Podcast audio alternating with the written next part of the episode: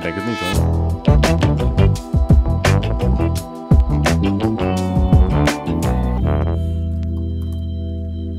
Yo. Yo. We hebben lang genoeg de tijd gehad om onze Joost te oefenen. die...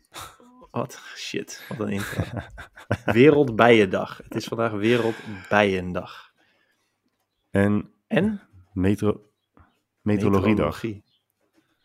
Oh, Nou, nice. Nice. Nou, alle Amerikanen die nu luisteren, kap met cups en sticks en ounces. Het is vandaag namelijk meteorologie. Dus je kunt gewoon lekker kilo's, meters en liters doen. Ben je ook iemand die dat echt een, eh, een, een ding vindt? Want Amerikanen vinden dat inderdaad vaak wel. Die vinden het echt zo moeilijk om dan iets in kilogram om te rekenen naar pounds. En dan denk ik, bro, je kan toch letterlijk even googlen. Het is wel irritant dat je dat vaak heel de dag moet doen in Ja. buitenland. Maar Maar met, met de recepten is het wel echt. eh, Amerikanen zijn wel echt Mongolen. Want, eh, want een, eh, een, een cup is dus een, een inhoudsmaat.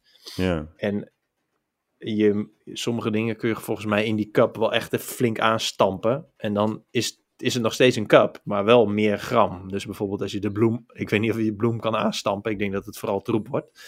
Maar eh, dat is wel echt irritant. Een cup flour en een cup sugar en een cup oil is gewoon... Ja, het ene is eh, 250 gram, het andere is eh, 360. Dus dat is wel Ja, gewoon kut. En butter meet je heus niet in sticks. Dat meet je ook gewoon in grammen. Gol. Dus ja, nee. butterstick. Ja, ik, eh, ja, dat is lastig. een stick, stick of butter. En ehm, ja, dat is gewoon kut. Maar ik heb vandaag wel een filmpje gezien hoe je Fahrenheit makkelijk kunt omrekenen naar Celsius. Is dit weer hetzelfde als dat, dat je makkelijk kunt berekenen welke dag het in een bepaald jaar was? Nee, nee, nee, nee dit is echt makkelijk. Je begint bij 4. 4 graden Celsius is eh 40. Is min 22,5 Fahrenheit. ik zet eh, het filmpje wel even in de show notes. Ik ga dit niet nu uitleggen. Ja, maar je moet is gewoon steeds een stapje en van moeilijk, hè? 12 doen. Ja. Eh, Duidelijk, man. Dat is Ja. echt een makkelijk ezelsbruggetje. nice. Eh, eh, ja. Nou, we zijn een maand later. Nee, we zijn zeven weken na onze vorige podcast. Dus dat we niet eens weten of we het al hebben gehad over de Ramadan of niet. Maar we gaan het er ik, wel ik, over hebben. ik, geloof, ik geloof van niet. Ik ben, ik ben er 98% eh, zeker van dat we het er niet over hebben gehad. En 98% is ongeveer 12 Fahrenheit. Oké, dit wil ik over zeggen. En nu, dus met het risico dat er nu luisteraars, vaste luisteraars zeggen: Nee, jullie hebben het er al over gehad. Dit, wil, dit is wat ik erover wil zeggen. De Ramadan is volgens mij een maand waarin je gaat vasten. En dat doen best wel veel geloven en gelovigen doen dat overigens, vasten, om verschillende redenen. Maar volgens mij in de Ramadan is het om verschillende redenen. Dat je soort van leert afzien, maar dat je ook gaat nadenken over mensen die niet zoveel te eten hebben. Hoe zij het hebben. Dus het is gewoon een soort van om je deugden weer een beetje op een rijtje te zetten. Volgens mij is dat het. Er komt nog eens bij dat het een collectief iets, is. Dat mensen het met z'n allen doen. Dus dat sterkt, versterkt verbanden, denk ik. En banden. Nou ja, dat lijkt mij allemaal hartstikke mooi en zo.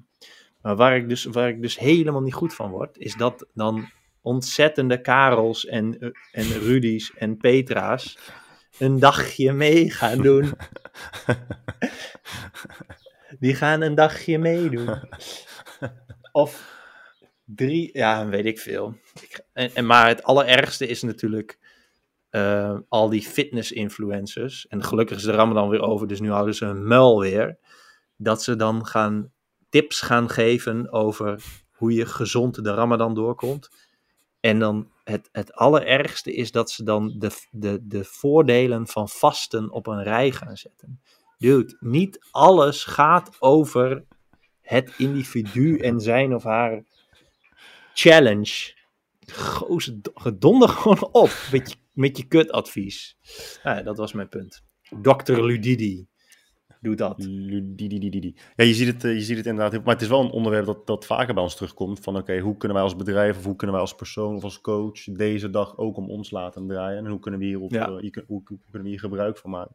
Hoe kunnen we de Zeker. wereld laten zien dat wij van alles weten over van alles?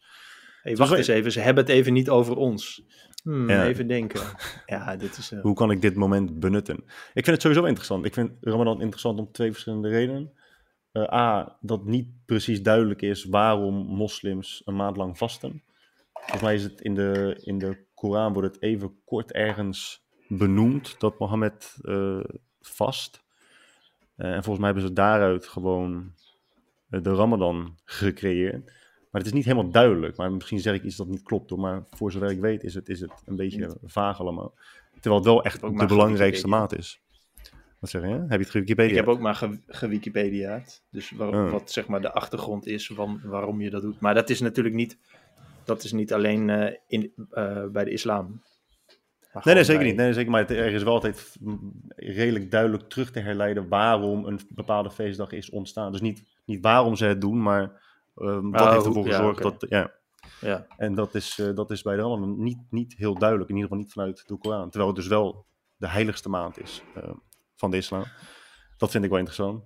En het is inderdaad interessant, en dat, dat is wat jij net ook zegt, dat zoveel of steeds meer Nederlanders mee willen doen aan de Ramadan. Of, of hun steun willen laten blijken voor de mensen die meedoen aan de Ramadan. Dat vind ik best wel interessant. Je ja ik vind echt, het zo, eh, zo raar. Want de, de maand is al, als je religieus bent, en dan is het onderdeel van je religie. eh, En dan, dat is al een maand waarop de, de religieuze persoon individueel en collectief gaat stilstaan bij, al, bij bepaalde deugden. Tenminste, zoals ik het begrijp. En dan gaan gaan, dan gaan er dus, die tata's gaan dan weer die mensen die dat aan het doen zijn, da, dat steunen. Als, ja, alsof je aan het mediteren bent en dan gaat iemand zo naast je zitten. Zo, mm, mm, mm, mm, lekker bezig, Mhm. Dick. mm. Ja, en dan zo zachtjes over je schoudertje gaat vooruit. Of zoiets. Ja, ik vind het ook wel interessant. Ja, ik weet niet, wat is, de, wat is de belangrijkste dag binnen het katholicisme? Is dat, zal dat kerst zijn? Sinterklaas? Nee, weet ik niet.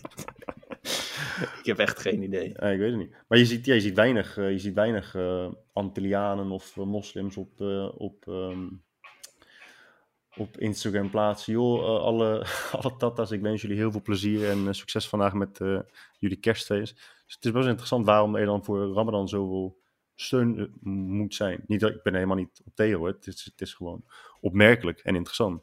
Dat daar, dat daar steun voor gegeven moet worden. Omdat het heel moeilijk is, dat begrijp ik. Maar het is wel vrijwillig. Er zijn nog steeds echt wel heel veel. Ik ken echt best wel veel moslims, praktiserende moslims, die niet aan de Ramadan meedoen. En ik weet niet, misschien zijn er dan luisteraars die nu denken, ja, dan mag je ze geen moslim noemen. Maar ze zijn er in ieder geval eh, best wel veel. En er zijn best wel veel uitzonderingen. Dat als je onder, ehm, onder bepaalde, voor, bepaalde voorwaarden hoef je dus niet mee te doen. Als je, ik hoor soms Ja. mensen al zeggen, ja, nee, als ik heel de dag niet eet, krijg ik, eh, krijg ik hoofdpijn. Dus ja, dan hoef ik eh, niet mee te doen. Dan denk ik, ja, volgens mij krijgt echt iedereen snel, snel hoofdpijn als ze een maat niet eten.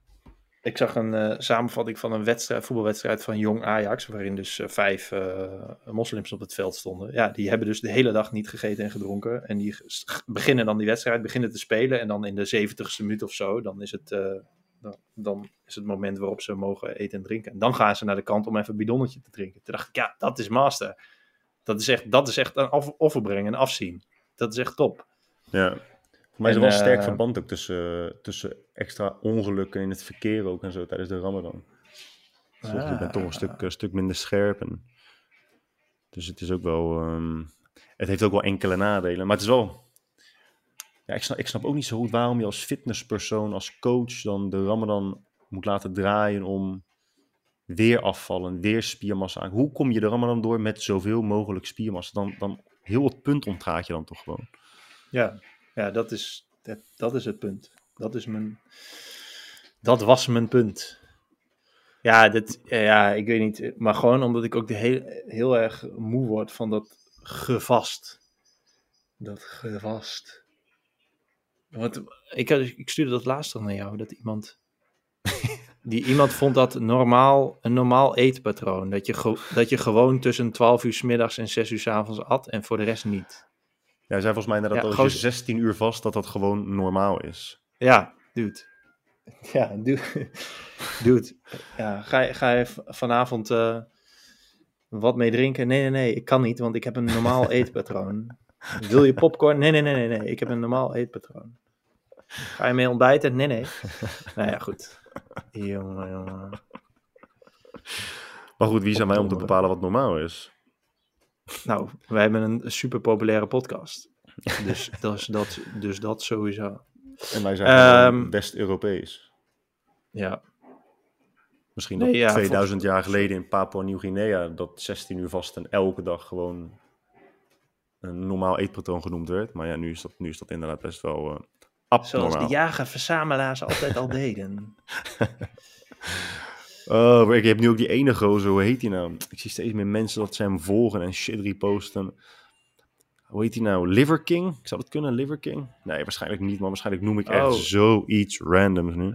Liver King, ik ga nu googlen. Kom waarschijnlijk Liver een of andere King, volgens mij. Liver King, ja. Oh. Ja. Ja. Ja, Liver King. Holy shit, dat was wel echt wel een redelijk goede gok. Ehm, ja, maar dit is dus gewoon zo'n dude die vindt dat je dus moet eten zoals de jager-verzamelaar. Eh, en hij heeft een knetterdikke baard. En hij is fucking gespierd. En het grappige is natuurlijk gewoon dat mensen die hem volgen denken dat hij zo gespierd is omdat hij alleen maar fucking rauw vlees eet. En heel de dag op zijn blote voeten loopt. Maar die gozer zit echt helemaal vol met anabolen natuurlijk. En daar is niet per se iets mis mee, maar het is wel gewoon heel grappig dat nu weer heel Nederland denkt, eh, alle Jorissen denken, dat ze nu dus ook alleen maar rauw orgaanvlees moeten eten. Ja, maar deze gozer maakt ook video's, jongen, en dan die baard. En... Het is zo bizar hoe makkelijk je mensen in een maling kunt nemen. Dat is echt absurd. Hij is ook knetterrood. En hij heeft heel de dag alleen maar een korte broek aan en een pet op. Ja, ik ben niet goed van dit soort mensen, man. Most, most people's lives suck. Gozer, heb je jezelf gezien? Dat is Zeg je dat? Ja, most people's lives zijn? Ja, dat is op zijn Instagram page een, een, een eh, hoe heet dat? De featured image van een video. Oh, ik zie het. in Most people's lives zijn. Ja, dus deze roos zie ik nu steeds vaker voorbij komen. Dat mensen shit reposten en zo. En ja, die mensen ontvolg ik dan natuurlijk. Maar, eh, Uiteraard, daar wil jij niks mee te maken hebben. Maar ik zie dat Terwijl één persoon die ik volg, hem volgt. Je creëert dan natuurlijk wel weer lekker je eigen echo chamber. Dat is wel nice. Ja, ja precies. En dan zit je weer te podcasten met mij. En dan zeg ik, ja, ja, man, sowieso. Het is gewoon zo bizar dan, dat, dat, dat, dat die dingen blijven terugkomen ook. Hè? Dat, dat, dat argument van ja, zo deden we het vroeger ook. Dus nu moeten we dat ook zo. Ik begrijp oprecht niet op basis waarvan je kunt stellen dat het in die tijd beter was. Wel, welke, welke indicator, welke... Hoe, hoe, hoe meet je dat? Ik snap niet welke data je gebruikt om dat te zeggen. Ja, oké, er, er zijn steeds meer, steeds meer mensen met hart- en vaatziekten. Er zijn steeds meer mensen met kanker. Maar dat is ook omdat we allemaal ouder worden. Of tenminste, het gemiddelde wordt- wordt steeds ouder. En, De, de argumenten zijn toch altijd overgewicht? Dat was ja, toen en niet. En Ja. ja, ja mensen, werden wel, mensen werden wel niet zo oud als nu, maar ze waren niet zo lang ziek als nu. Dat, is, dat zijn wel argumenten. Ja, Ehm, en je overleed op je dertigste aan, of omdat je een kind baarde, of omdat je een gat in je kies had. ja. Het is zo grappig dat Ja. mensen daar dan zo selectief in zijn. Hè? Van als het je uitkomt, dan benut je wel de voordelen van deze eeuw. Maar als je interessant kunt doen op Instagram, dan, dan stel je maar gewoon dat je terug naar de oertijd moet. Maar Ja, en ja, nou ja, goed. Dat, dat boek Paleo Fantasy van eh, Marlene Zuk vond ik toen wel mooi. Het is wel echt vet lang geleden, dus het kan echt best zijn dat het echt een kutboek is. Eh, of inmiddels nog veel vetter, kan natuurlijk ook. Maar ehm, ja, die zei ook van ja, maar, maar het is een fantasie om. Want welke oertijd, waar heb je het over, zeg maar? Want je mag dan wel, je mag steak eten, maar ook avocado. Maar ja, dat is niet echt per se iets wat hier in fucking Noord-Holland aan de boom groeide. dus eh, oké, je mag dus naar een oertijd waarin wel een soort van Albert Heijns waren, oertijd Albert Heijns of zo. Want je mag wel ananas eten, maar dat groeide hier ook niet. Dus ja, zij zegt ja, het is een fantasie, het is een soort van idee. En je kunt dat dus niet in stand. Het argument is gewoon, dat brokkelt af. Ja, het is ook een soort utopische gedachte dat je kunt leven zoals een plek die eigenlijk nooit heeft bestaan. Je, dus je maakt er gewoon je eigen ding van. En uiteindelijk is het dus ook gewoon een dieet. Net zoals dat de mensen die eh, ehm, paleo-aanhangers allerlei diëten eh, verafschuwen. Uiteindelijk ook zelf gewoon een dieet hebben gekregen. Die totaal en niet overeenkomt en het is natuurlijk ook een beetje. het is volgens mij niet, niet een, uh, een gedachte die ons helpt met z'n allen verder te komen. Als je denkt dat vroeger het top was en sinds 10.000 jaar geleden het alleen maar kutter is geworden. Dat is nogal pessimistisch, lijkt mij. Ik vind het ook een frustrerende gedachte. Want ja, ik, weet dat we daar wel echt, echt wel regelmatig over hebben gehad. Maar dat is inderdaad wat je zegt. Dat is, dat is zo pessimistisch en zo nou ja, onjuist. Er zijn echt zo weinig redenen om te zeggen dat het tegenwoordig slechter is dan, dan vroeger. Maar ja, met de hele leftist wing, met die hele leftist movement, daardoor krijg je wel echt het idee dat het tegenwoordig helemaal kut is. Alles, vooral Alles is iedereen is kut. En je, je moet jezelf ook kut vinden, want anders dan snap je er ook niks van. Ja, dat, uh, dat stoort mij ook uh, enorm. Dan moet ik zeggen dat ik dat steeds minder zie op Twitter, omdat ik wel echt goed aan het muten en aan het echo chamber creëren ben. Ja, ben je daar zelf niet dus bang voor? Want dat, dat zei ik net ook als een soort halve grap, maar het is natuurlijk wel gewoon waar. Je, je blokkeert alles en iedereen wat niet strookt met jouw eigen wereldbeeld. Ehm, nee, maar misschien uh, moet ik daar wel bang voor zijn. Ja, geen idee. Nou, ik vind het. Uh, iemand, laatst, iemand zei laatst tegen mij. Ik, aangezien ik nu ook weer sinds anderhalve week alle nieuws geblokkeerd heb. En dat wel heel erg fijn vind weer. Die zei: Zolang mijn eigen leven gewoon interessant is, heb ik geen nieuws nodig. Toen dacht ik, ja, ik, ja, ik vond het in ieder geval wel interessant dat hij dat zei. Want ik vind dat, dat er wel een mooie waarheid in zit. Als je zelf iets hebt gevonden wat je gewoon lekker in je leven kan doen. Ehm, waar je voldoening uit haalt. Dan uh, denk ik ook niet dat je echt um, trekt naar nieuws lezen en nieuws bediscussiëren en zo. Omdat je, je kunt er toch niks aan veranderen. En je, het gaat je ook niks aan. Het gaat andere mensen aan. En um, toen dacht ik, ja, dat is wel een interessant idee. Zo gewoon ja, je hebt die, uh, eigen leven interessant is. Je hebt die sensatie dan niet nodig. Maar ja, dan krijg je natuurlijk weer het eeuwenoude argument dat mensen zeggen... ja, maar Jelmer, als iedereen zo is... als iedereen zich afsluit voor wat er in de wereld gebeurt... Niet dat dat een argument is, maar dat krijg je wel vaak als reactie natuurlijk. Ik denk dat het dan wel chille wereld is. Zo, inderdaad. Ja. Ja. Zo, dude, het zou toch mooi zijn als je een nieuwsite hebt, nieuwsite en dat er dan staat, ja, vandaag is er niks. Ga, ga godverdomme iets doen. Vandaag is er niks benoemenswaardig gebeurd. Ga een stuk vandaag Is er, vandaag is er niks gebeurd wat letterlijk elke dag sinds de Big Bang is gebeurd. Ja, dat, dat, ja, dat zou wel nice zijn. Ja. Het nieuws is op. Ja, ja dat zou mooi zijn. Uh, in ander nieuws, want dat is wel uh, relevant nieuws natuurlijk. Actueel, relevant. Ook uh, zeer specifiek voor jou. Is... Er, is wat, er is wat nieuws omtrent uh, Personal Body Plan, toch? Het bedrijf ja, dat is... gestart. Wat? wat? Het bedrijf waar jij ook bent gestart, toch? Jij bent met hem begonnen. Nee, dat was al begonnen. Ik was... ik weet dat jij er wel vanaf nog één een beetje bij was. Nee. Het begon... nee, ja, ik weet niet welke, welke dag. Maar er zijn... Er is wel een, een, een periode voor Jelmer. Oh, maar ik was, de, ik, was de, ik was de eerste persoon die daar werkte als niet-coach. Ik, ik ben daar begonnen als brandmanager. Mijn, mijn missie was om dat merk bekend te maken. En uh, ja, onder de aandacht te brengen op allerlei verschillende manieren. Ik denk dat het wel goed gelukt is toen. Ik was werknemer nummer 8 en toen ik wegging uh, werkte de inclusief coaches iets van 150. Dus dat is best wel, best wel veel. Maar dat is nu uh, ja, een beetje aan het volgens mij heet het officieel een doorstart. Maar dat betekent wel dat vet veel mensen zijn ontslagen, waaronder mijn vriendin. Um, ja, wanneer was ja, content het... manager daar? Content creator? Ja, klopt ja. Dus veel uh, receptfoto's en video's werden door haar gemaakt. Um, ja, wat kan, wat kan ik erover zeggen? Ja, ik vind het gewoon een beetje zonde of zo, man. Ik weet nog dat ik kwam me werken en dat was echt zo'n vette periode. Je zit bij zo'n start-up en iedereen vet veel energie. En ik werkte toen ook vet veel, maar ik vond het allemaal super leuk. En die hele fitnesswereld zat in de lift. 2014, najaar 2014 was dat. Ik heb er gewerkt tot begin 2018, dus bijna vier jaar. Ja, dat bedrijf werkte, dat groeide zo vet snel en eh, dat is allemaal vet mooi en zo. Behalve op het eind natuurlijk, want ik vond het echt helemaal geen ene tyfus meer aan. Ehm, ja, het is gewoon kloten dat dat gewoon, eh, dat, dat, dat dat nu, ja, het gaat nog wel door, maar ik weet niet in wat voor vorm.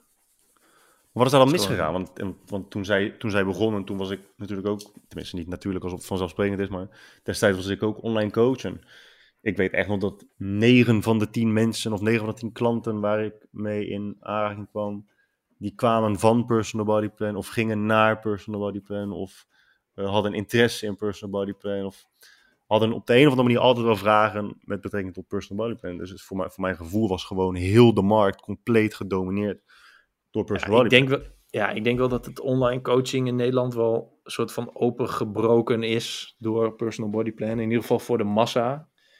Denk dat je wel best wel wat. Je had natuurlijk al personal trainers en diëtisten en alles wat ertussenin zat. En die gingen ook wel wat online doen. Maar ja, personal body plan ging wel echt voor. We hebben echt duizenden mensen. En dat ben ik ook nog steeds heel blij mee. Dat ik gewoon die duizenden cases heb gezien. Dus dat je dan ook wel best wel met goede argumenten over fitness en, die, en voedingsgedrag kan praten en zo. Dus dat je weet wat er, wat er in mensen hun hoofd speelt en wat ze willen en wat ze moeten doen om iets te veranderen. Ja, wat er mis is, ja, ik weet niet, eh, eh, veel concurrentie en gewoon, eh, ik, ik vond het op het eind echt, ik snapte helemaal niks meer van die plannen. In mijn hoofd heb je gewoon, doe je gewoon een plan online en dat past zich aan aan jouw wensen en voorkeuren. En stuurt je in de juiste richting op. Ik bedoel, een plan, een plan moet jou ook gewoon dingen laten doen die je echt niet per se zelf zou kunnen bedenken. En er was op het eind volgens mij niet zo heel veel meer van over. Je had honderdduizend en één plannen, verschillende looptijden en weet ik veel wat. Ehm, ja, ik heb geen idee. Ja, Ik moet zeggen dat ik daar- heb jij, Oh, mag ik? Ja, dat Ja, ik daar met, eh, dat, dat Jenny, want die werkte natuurlijk als content marketeer, maar die heeft daar niet, ja, die vertelt, die vertelt mij niet over hoe een bedrijf gaat of zo. Hoe het ervoor staat. Dat weet ik niet. Dus daar kan ik eigenlijk niet zoveel over zeggen. Of eigenlijk niks. Ik weet ik kan me ook wel voorstellen, aangezien dat de enige branche is waar ik zelf ook in heb gewerkt, dat elk bedrijf heeft natuurlijk wel gewoon groeipijnen, maar als je massa's mensen wilt ondersteunen bij hun ehm, fysieke doelen, ondanks dat iedereen en zijn moeder tegenwoordig personal trainer en coach is, is het nog steeds geen makkelijk beroep.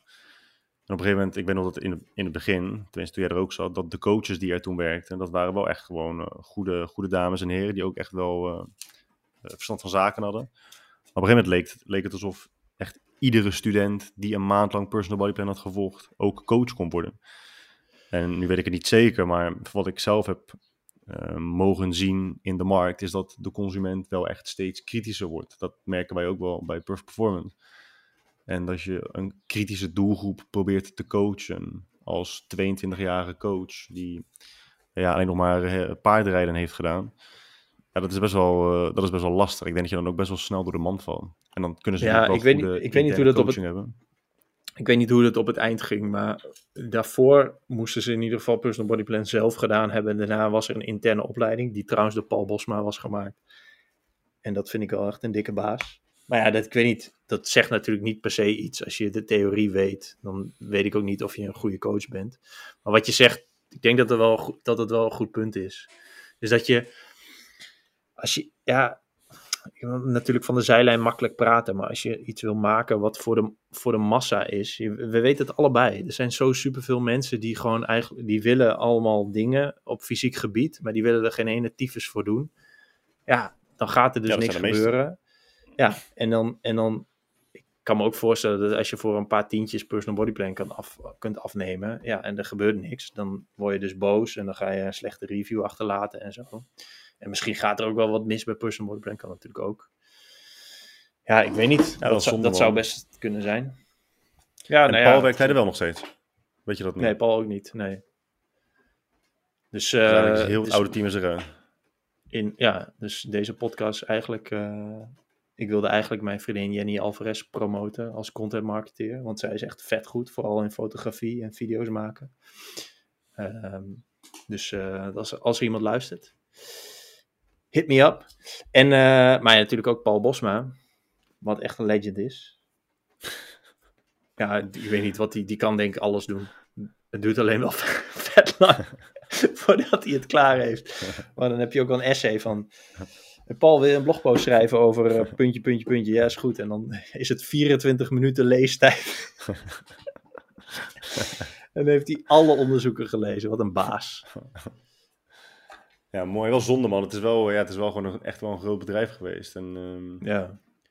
wat je zegt vanaf de zijlijn is, het, is het makkelijk praten. Maar ja, ik ben benieuwd. Ik ben benieuwd. Het is op een gegeven moment zo moeilijk. En je als kapitein denk je, nou, ik, ik ga gewoon ten onder met dit schip. Maar dat is ook niet altijd de beste keus. Dus ik hoop dat uh, in ieder geval um, het bestuur er met uh, niet te veel kleerscheuren vanaf komt. Ja, nee, ja, ja, nog, ja, ja het, is gewoon, uh, het is gewoon kut. En ik denk steeds van, ja, volgens mij... Ja, nee, ik ben er ook al vier weg. Ik moet er ook helemaal niks, niks over zeggen. Maar... Um, Nee, ja, ik vind het nog steeds. Ja, ik, ik, vond het altijd een vet mooi product. Ik heb het vet veel mensen aangeraden, uiteraard. Ook na, nadat ik er weg was. Nou, ik hoop gewoon dat het ooit. Uh, ja, dat het nog steeds veel mensen gaat helpen om uh, iets beter om te kunnen gaan met hun gezondheid. Dat zou toch mooi zijn. En het voordeel voor jullie is dat nu uh, Jenny wel even lekker um, een stuk meer thuis is, ook met de kleine. Mag je al refereren ja. naar als de kleine? Doe je dat al als nieuwe vader? Uh, ja, ik vind altijd een beetje moeilijk, want ik vond dat als mensen, als, als gasten het over mijn kleine hadden, dan dacht ik altijd, snap ik het nooit, maar ja, nou ja, precies, maar ze kunnen het ook over iets anders in een, in een broekje hebben. nee, dat doe ik nog niet. Ik zeg, ik zeg best wel vaak de baby of die baby of onze baby. En dat is misschien ook niet per se. Ze heeft gewoon natuurlijk ook gewoon een naam. Maar um, um, ja, nee, ik zeg niet die kleine. Nee, ja, dat kan, dat kan inderdaad. Wat zeg je? Ervaart zij het momenteel ook even als voordeel? Dat ze toch wat meer uh, tijd te besteden heeft thuis?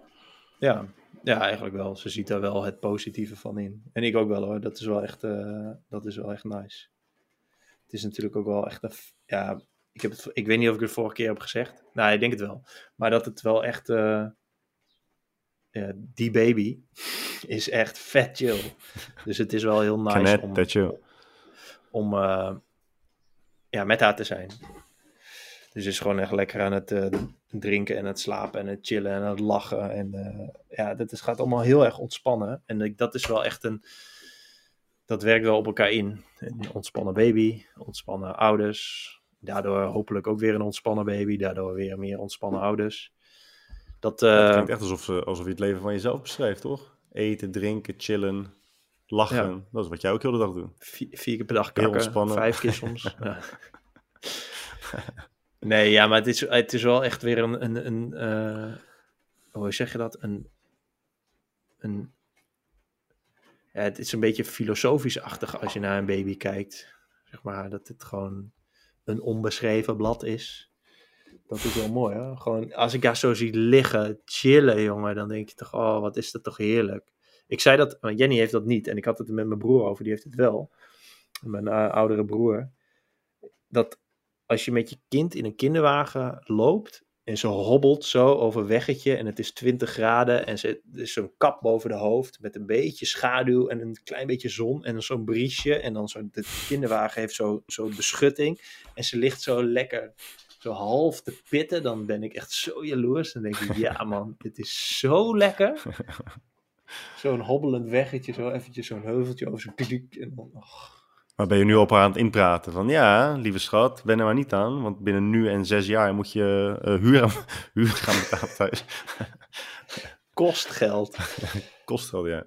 Uh, nee, nee. Maar um, ja, dat is wel mooi, man, om dat, uh, om dat te zien. Dat is wel zo. Ja, tuurlijk, puur onbezorgdheid. Dat is echt zo nice. Dat is echt, ja. echt. En ik weet dat ik te vaak huisdieren met baby's vergelijk, maar je kunt ze ook wel op veel verschillende manieren vergelijken. Ja, man. Het is echt hetzelfde. Maar huisdieren. Denk ik. Huis...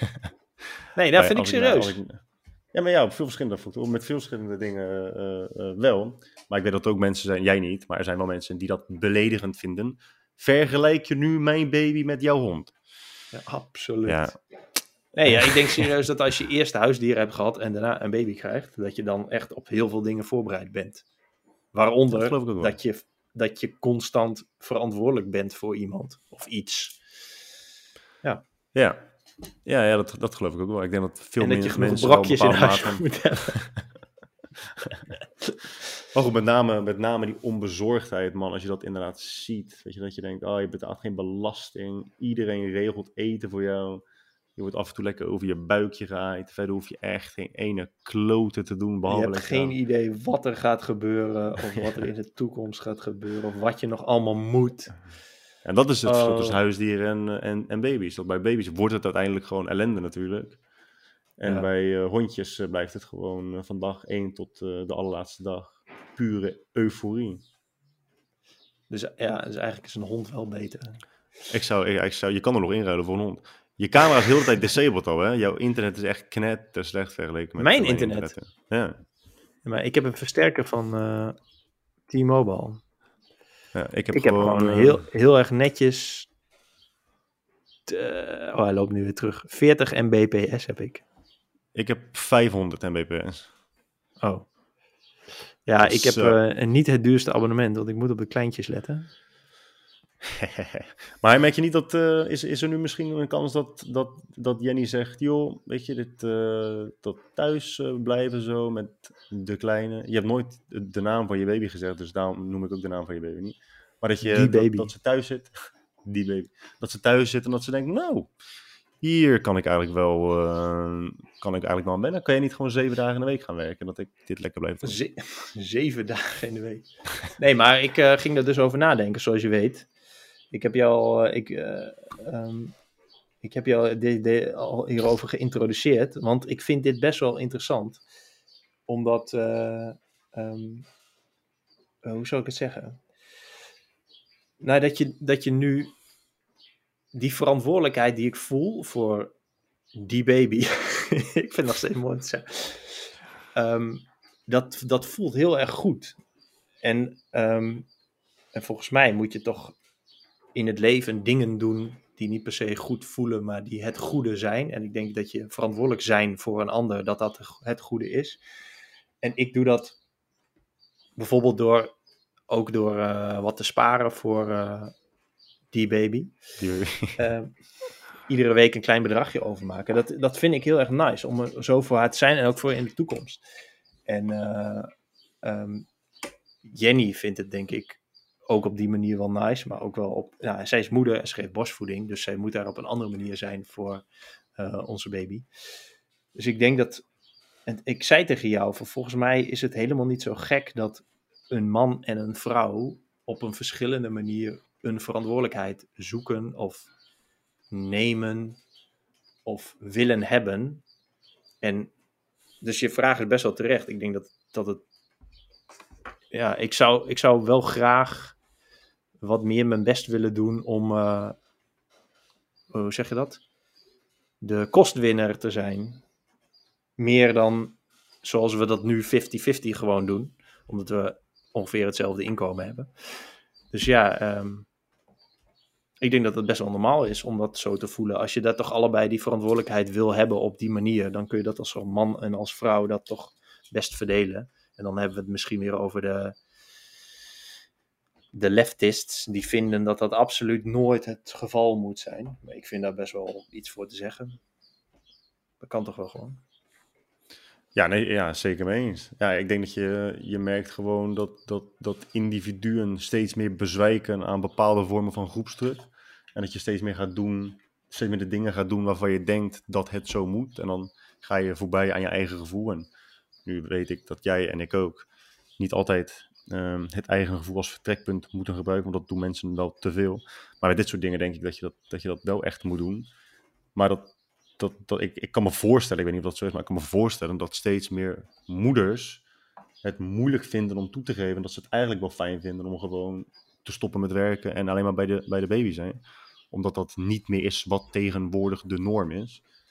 Eh, dus dan doe je eigenlijk iets wat als abnormaal wordt, wordt beschouwd vandaag de dag. Nogmaals, dit is gewoon hardop nadenken. Ik weet niet of dat zo is, maar Ja. ik kan me dat wel voorstellen. Maar ik kan me ook wel voorstellen dat als je het allebei gewoon heel fijn vindt op die manier. ehm, allebei dan, hè? En niet Hmm. de een wel en de ander niet. Mm. Dat het ook wel echt heel erg nice is.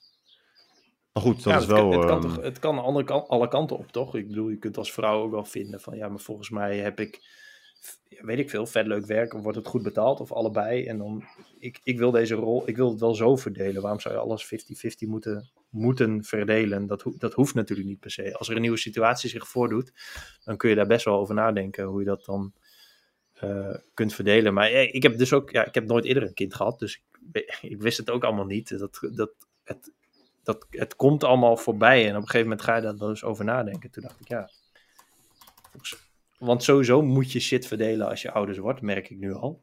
Al is Ja. het al, alleen al, zeg maar. Je moet je baby iedere dag van die druppeltjes eh, vitamines geven. Dat moet, dat moet al één van de twee mensen doen omdat als je er allebei over na gaat denken, dat is fucking irritant. Want dan moet je dat allebei onthouden. En dan ga je de hele tijd, heb, je, heb jij het al gegeven? Nee, ik heb het ook, zal ik het dan geven? Dus er moet gewoon één iemand moet dat gewoon doen, zeg maar. Eh, Jenny in dit geval. en, ehm, maar ja, zo, zo zijn er dus dingen in de, in de opvoeding of in het huishouden of in het gezin. Je verdeelt gewoon shit. Dus waarom, ja, je kunt eigenlijk alles wel verdelen. En je kunt dingen samen doen. Maar ik denk dat het het is sowieso veel efficiënter om zoveel mogelijk te verdelen. En het is gezelliger om dingen samen te doen. ja, ik denk dat, Ehm, dat, dat je dat goed zegt. Wat je wel ziet, want wat net, net gaf ik aan van ik kan me voorstellen dat, en dan, dat is dan als je het invult zoals jullie dat misschien wel zouden willen doen, dat je dat, dat je dat steeds minder vaak ziet, denk ik. Maar wat je wel steeds vaker ziet, wat ik ook zeker weet, omdat ik het zelf eh, op die manier meekrijg, is dat steeds meer huishoudens bestaan natuurlijk gewoon uit eh, twee verdieners. En als je dan samen, of als je allebei een goede baan hebt en je hebt genoeg te besteden, dan zie je echt wel steeds vaker hoe makkelijk het is dat mensen zeggen, nou ja, we hebben nu een baby. En baby gaat gewoon vanaf, wat is het, maand één of zo, naar de opvang. Vier, vijf dagen in de week. Want we kunnen dat betalen, want we hebben allebei gewoon goed werk. En dat ouders zich steeds meer distancieren van kinderen. Dat, dat, dat vind ik moeilijker. Dat vind ik moeilijker te begrijpen. Maar goed, dat heeft dan weer te maken met verantwoordelijkheidsgevoel waar je het net over had. Denk Ja, ik. nee. En ik zeg niet dat die mensen geen verantwoordelijkheidsgevoel hebben, maar ik vind het wel bijzonder als je een, een kind hebt, maar je kind vier van de zeven dagen niet bij je hebt. Omdat je per se allebei wil blijven werken. Ja, ik, dat vind ik. Ik heb er ook nog geen antwoord op hoor. Maar ik vind dat ook wel iets interessants. Daar denk ik de laatste tijd ook wel over. Dat is, wij dachten ook wel van. eh, we, we wilden het een beetje verdelen op de dagen die we, die we aan het werk waren. En dan eh, naar de opvang vanaf maand drie. Maar dat kan sowieso niet in Amsterdam. Want die opvang zit allemaal vol. Dus we, er is gewoon letterlijk nergens plek. Dus we zijn geforceerd om. Ja, gewoon zelf voor onze baby te zorgen. Eh, wat eigenlijk vet chill is. Ik vind dat, dat vind ik echt iets vet moois. En dat geeft je ook tijd om erover na te denken. Dat je van oké, dus dan heb je een baby. Maar dan ga je dus geld betalen. Zodat iemand anders daar even op let. Omdat jij dan weer hopelijk net iets meer geld kunt verdienen bij een andere baan. Ja, dat is, dat is, toch, dat is toch in principe best wel een rare kronkel. Dat is echt alleen maar efficiënt denken. Lijkt mij. Dan denk je, dan kan- denk je alleen ja, maar aan ik- geld. Toch? Ja, ik denk wel dat daar tegenover staat dat, dat een, een baby vanaf eh, jongs af aan meer socialiseert, denk ik. Dat je wel gewoon van jongs af aan elke dag in aanraking komt met leeftijdsgenootjes. Hmm. Ehm, nou ja, en als we, als we Piaget mogen geloven, dan is sociaal zijn, sociaal worden wel een van de belangrijkste eh, voorwaarden voor succes op latere leeftijd.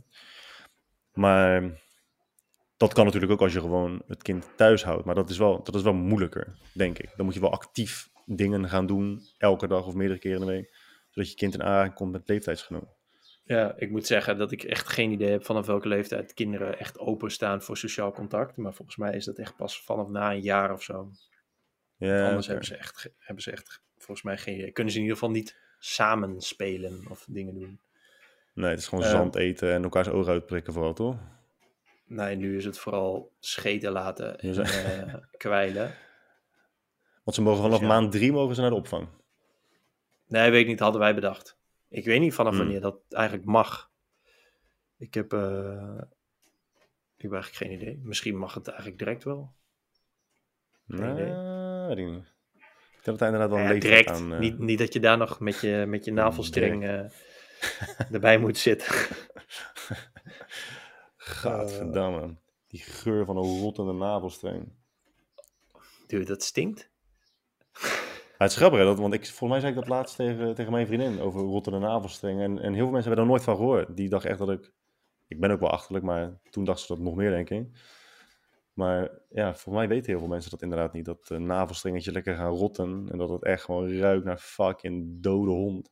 Dus ja, het is echt niet normaal. Dat is echt waar. Ja, dat is, in het begin is het nog gewoon grappig dat het er nog een beetje half aanhangt. Maar na een week meurt dat echt naar gewoon... ja, is echt ja, gewoon, het is gewoon, ja, als je, als je toch vroeger ging vissen en dan lag er een keer een dode vis na, naast de sloot, nou dat keer duizend. Een dode zilt.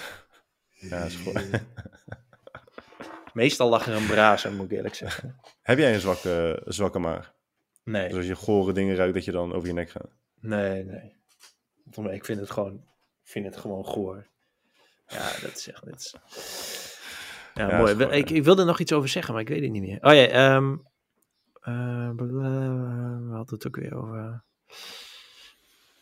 Ja, over... eh, ja, maar misschien word ik gewoon een, oude vent of zo. Maar dat bijvoorbeeld... We zijn letterlijk de laatste tien jaar al oude vent, hè? Ja, dat is ook zo. Maar eh, dat, dat, hoe belangrijk mensen werk vinden, zeg maar. Dat je, als je gewoon met je vrienden wil afspreken, laatst. Ik hoop niet dat de vrienden luisteren, maar dan horen ze het in ieder geval via deze weg. Laatst dan zeg ik van, joh, het wordt mooi weer eh, volgende week. Ik ga even barbecuen bij ons voor in Amsterdam.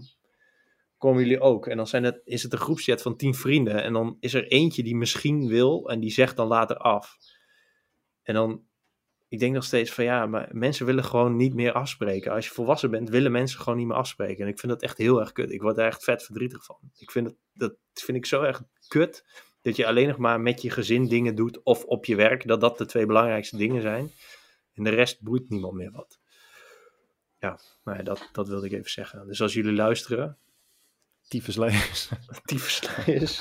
ja, nee, ja, dat is echt... ehm, Ik heb binnenkort vriendenweekend. Ik, ik denk dat ik het dan ga aankaarten, maar dan wordt het misschien ook weer niet zo gezellig.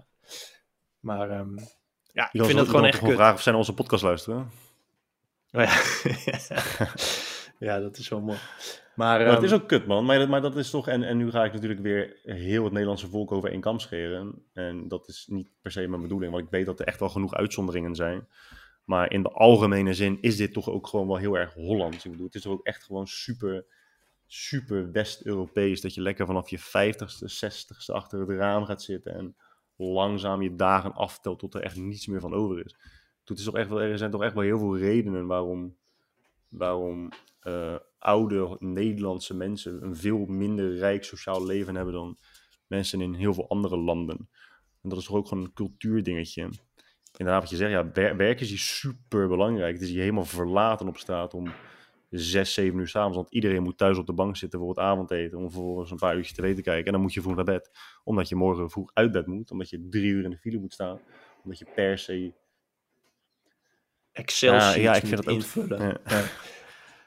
Ik vind het ook heel Ja, lastig. ik vind hoor. gewoon heel Dat erg kut, man. Ik denk dat, ja, maar ik snap best met, met die levensfase, zeg maar. Je, je, je bent kind en je zit in een gezin op een gegeven moment de puberteit. En dan denk je, je ouders zijn kut, ik wil, ga het allemaal lekker zelf doen. En dan ga je op kamers en dan ga je op jezelf wonen. En dan heb je daarna heb je een nieuw eigen gezin en ga je dat maken. Maar in de tussentijd heb je toch gewoon parallel eraan en dus het langst van iedereen heb je toch vrienden die dan, ja, sommige gaan, soms gaan er vrienden weg en komen er vrienden bij, maar daar heb je toch vet veel. Dat is toch vet leuk om met, met je vrienden shit te doen. Ja, maar jij hebt zo weinig opties in dit land. Want dat, ik ben natuurlijk in Thailand geweest, hè, zoals, je, zoals je weet. En daar hebben we nog niet over gepodcast. Maar eh, zonder dat ik het daar nu gelijk over wil, wil hebben per se. Maar je hebt hier gewoon best wel weinig opties. En de dagen dat je dus wel opties hebt, dat zijn de warme dagen. En zodra het een warme dag is in Nederland, dan is het gelijk een nationale feestdag.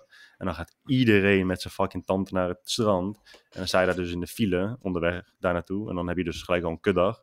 En dan kom je aan, dan kan je nergens een bedje krijgen. Want iedereen heeft al 14 weken van tevoren alle bedjes gereserveerd. Omdat ze op weerplaza hebben gezien dat het mooi weer werd. En ja, dat, dat is echt wel gewoon eh, heel lastig. En verder zijn de opties dat je bij elkaar komt in huis. Maar dat doen mensen al heel snel niet. Want je zit toch liever in je eigen huis dan in andermans huis. En het is allemaal altijd iets te veel moeite. En Bij ons is dit wel een heel veel voorkomend, eh, vaak terugkerend gespreksonderwerp binnen onze vriendengroep. Van, ja, we moeten elkaar echt wel vaker gaan zien. En, eh, en er zijn binnen onze vriendengroep mensen die het meer initiëren dan, dan andere mensen. Maar het gevoel wat jij hebt, en dat vind ik ook terecht, het gevoel dat, dat je vrienden hun eigen werk belangrijker vinden dan vriendschappen of relaties onderhouden. Dat ze dat belangrijker vinden, dat is best wel een bittere pil om te slikken. Dat, dat, Ja. dat vind ik ook. En Dat, dat is wel echt zo. Ja, misschien moet ik wel op zoek naar nieuwe vrienden.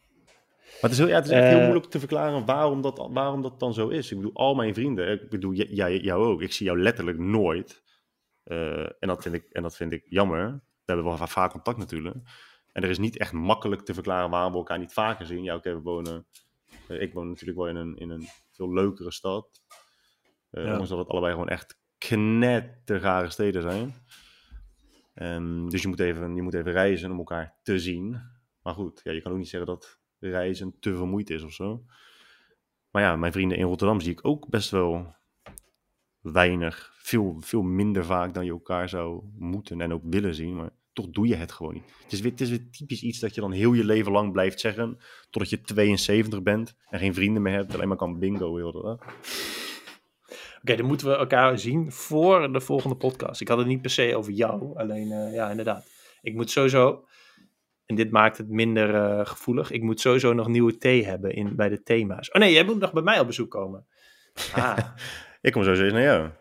Wij komen met z'n Ja. allen naar jou. Michael wil ook heel graag naar jou toe komen namelijk. ja, die moet natuurlijk ook Nou, die, baby, die baby voor jullie bekijken. die baby, ja, dan kom je die baby opzoeken. Ja, het is zo ongemakkelijk, man. Dan moet ik weer zeggen, oh, wat een leuke baby. En dat is zo moeilijk altijd. Kots, Dat is, jou dat is altijd, helemaal dat, onder. dat is altijd wel een- mooi. Dat is, dat is wel interessant nu, toch? Van, oké, je bent natuurlijk helemaal verliefd op je eigen baby. Maar kun je objectief beoordelen hoe je baby eruit ziet? Nee, ja, de veilige weg is gewoon zeggen dat het gemiddelde baby is. Dat zeg ik nu. Dus dan denk ik dat het, dat zit er dichtst bij wat het kan, zeg maar. Oh, dat lijkt me zo moeilijk als je dan een baby krijgt die echt afschuwelijk is. En dat je helemaal verliefd bent op je eigen baby. Maar ergens heb je wel een onderbuikgevoel dat je baby lijkt Dat op was een, een vermoeden. Op een rottende. En dan komen je vrienden langs. En die moeten dan allemaal zeggen, oh zo, ze is echt Wat een lieve mooi." baby, zeggen ze dan. Een ja, als, als, ja, als mensen zeggen van een lieve baby, dan weet je dat het foute boer is. Hè? Ja, ja. Dan weet je dat het foute boer is. Nee, nee, jullie baby is wel echt, echt super schattig. Echt super schattig. Ja. Ze heeft wel echt eh, ze, de expressie soms van, al, van, een volwassen, van een volwassen persoon. Die, die ene foto, dat ze zo serieus kijken. Dat is echt grappig. Soms heb je echt baby's met volwassen expressies. Ken je dat? Ja, die, ja, het, mooie aan baby's is dat ze gewoon echt tien verschillende koppen kunnen trekken in elf seconden. Dat is echt, ja, dat is fantastisch. Ja, dat is mooi. Dat is echt grappig. Maar, Maar, heel veel baby's zegt, hebben dat niet, hè? baby's, Heel veel baby's zijn gewoon een soort vlak in hun gezicht. look like adults. oh, jezus. Ja, dat moet je niet op... Oh, oh nee. Ja, dat moet je niet op googlen. Ze look like adults. Holy shit. Ja, je hebt er een paar, jongen. Nee, nee, oké, dat, dat bedoelde ik er dus echt absoluut niet mee. Want dit lijkt inderdaad allemaal kleine Danny DeVito's. Jay-Z baby ook. Ja, dat is wel... Oh, die baby met die fucking massieve tong. Heb je die gezien? Holy shit. Baby met een massieve tong. Baby born with massive Oh, wow. Zo. Jesus Christ. Oh, wow. Dat is wel heftig hoor. Massieve tong, zegt hij ook. Ja, dat is wel heftig. Nee, maar goed, dat is dus eh, bij deze afgesproken. Voor de volgende podcast komen wij zo meteen sowieso naar jullie toe. Ja, Ehm, dat is wel leuk. Dat is wel leuk. Kunnen we lekker eten ook. Nice. ja. Nou, mooi. Ook weer ja. geregeld. Dus even, even kort over Thailand, misschien wel leuk. Ja, ja. Aangezien dat, ehm, ja, aangezien dat wel een hele interessante en mooie reis eh, was. En jij was natuurlijk super zenuwachtig, aangezien jij het al jarenlang adviseert om daar naartoe te gaan. En? En het, ja, en het was echt Ik ga ervoor zitten. waanzinnig. nee, nee, het, het, was, het was echt fantastisch. Het was echt superleuk. Mijn vriendin is voor de, voor de derde keer geweest. Was natuurlijk nooit eerder met mij geweest. En dat is natuurlijk wel echt een levensveranderende ervaring. Ja, Het is echt een levensveranderende ervaring met mij op reis gaan.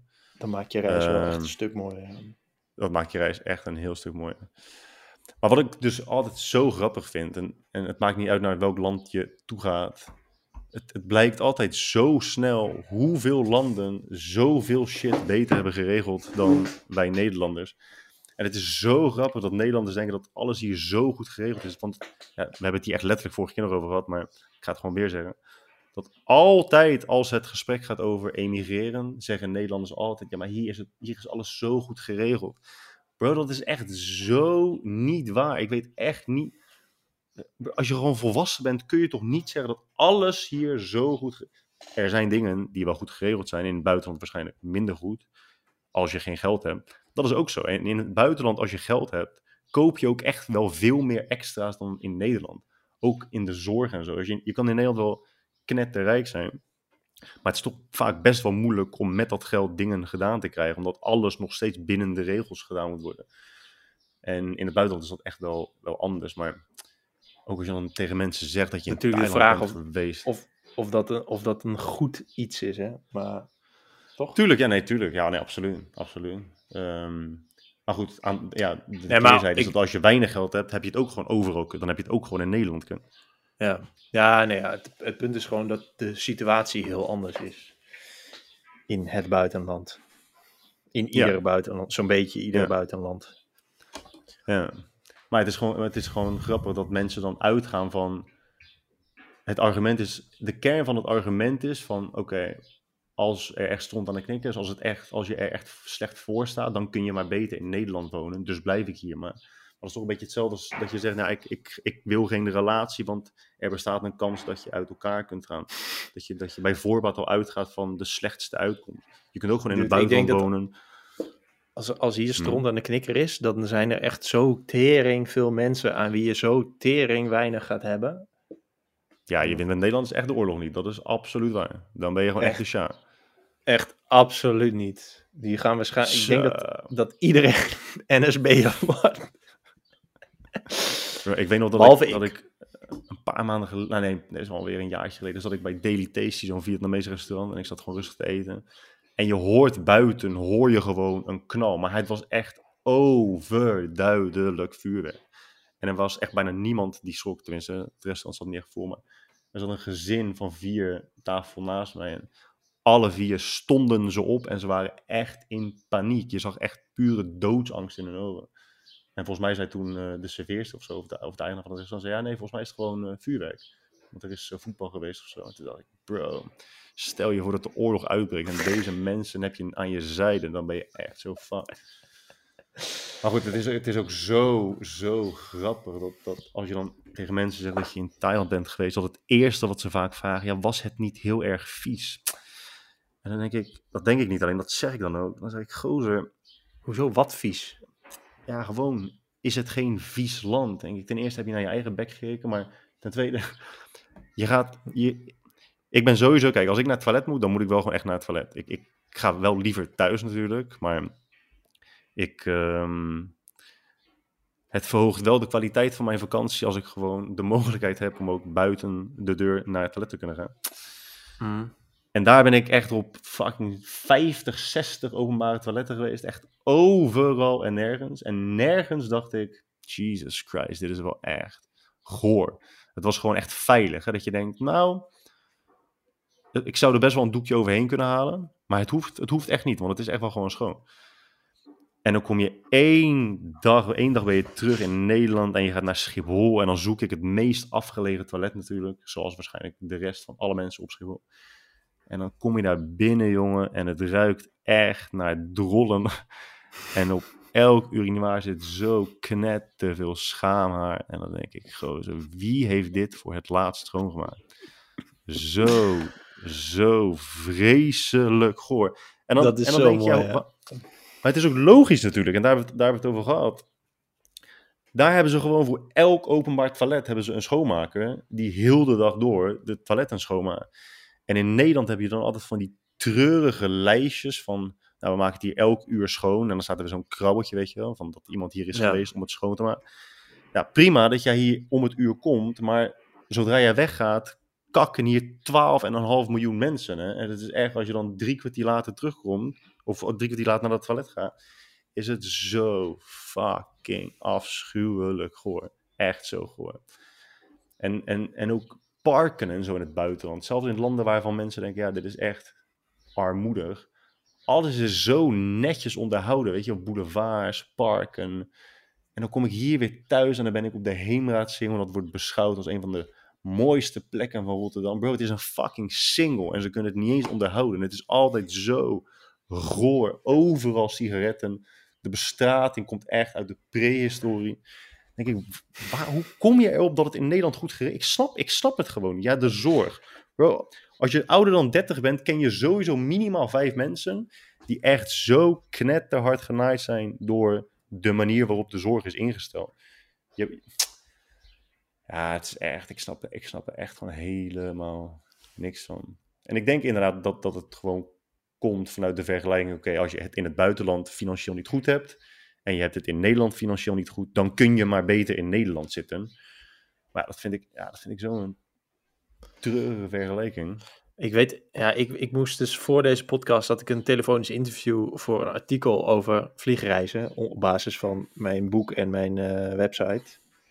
En uh, toen zei ik, zei ik eigenlijk precies dit: dat, dat Nederlanders vinden Nederland allemaal zo geweldig. En wat je zegt, van ja, maar is het daar niet goor? Nederlanders, Nederlanders zijn echt de, het, een van de goorste volken op de wereld.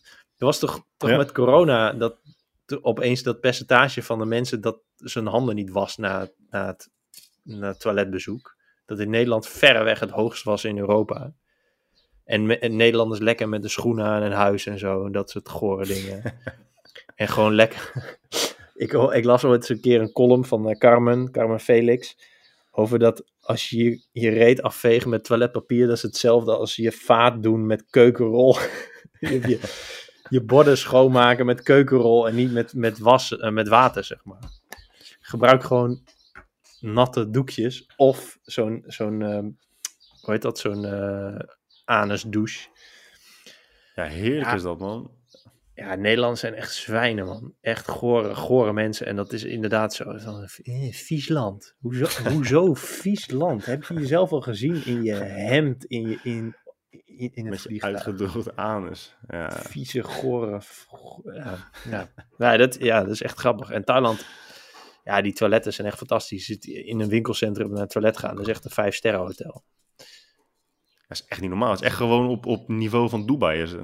Daar, daar is, want, want mijn vriendin zei ook, ja, de, de, de malls zijn in Bangkok echt wel gewoon op het niveau van Dubai. Terwijl ik, ik geloof je, maar ja, ik vind, het, ik vind het lastig voor te stellen, maar ik geloof je wel.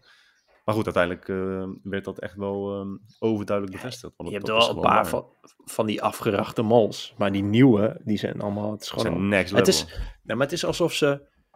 In Nederland zijn we gewoon een beetje blijven hangen van hoe het in 1994 was. En we hebben wel overal een beetje wifi en, uh, en een rolstoel toegankelijk en zo. En in, in Bangkok denken ze gewoon van oké, okay, wat is vet over 20 jaar? We bouwen alvast dat. En dan, dat is ja. zo mooi. En het helpt natuurlijk ook dat het daar in de tropen is. Dus dat je er gewoon overal allemaal bomen neer kan pleuren. Dat groen doet ook natuurlijk ook wel veel. Dat flikkeren ze ook gewoon in die malls en eromheen en erbuiten en die parken en zo. Dus dat helpt wel. Maar, en ook, ja, en ook horeca en zo. Mensen zijn ja, zo enthousiast over de horeca in Rotterdam en Amsterdam. En dan denk ik, waar, waar heb je het over? Letterlijk elke horecaondernemer die opent een fucking pokebolzaak of een avocadozaak. Het enige wat je kan vreten is inderdaad smashed avocado en, en, en acai bowls. En dat vinden mensen helemaal geweldig. En nog steeds betaalt iedereen daar ook gewoon voor. Ik, ik was toch één dag terug. Nee, één dag. Ik was een paar dagen terug. En ik Waar had je dat geappt? Maar ik ga het alsnog vertellen. Want de luisteraar vindt dit heel interessant. Dat ik naar die, die zaak heb, op de hoek... nee. Oh ja, ja, ja. ja.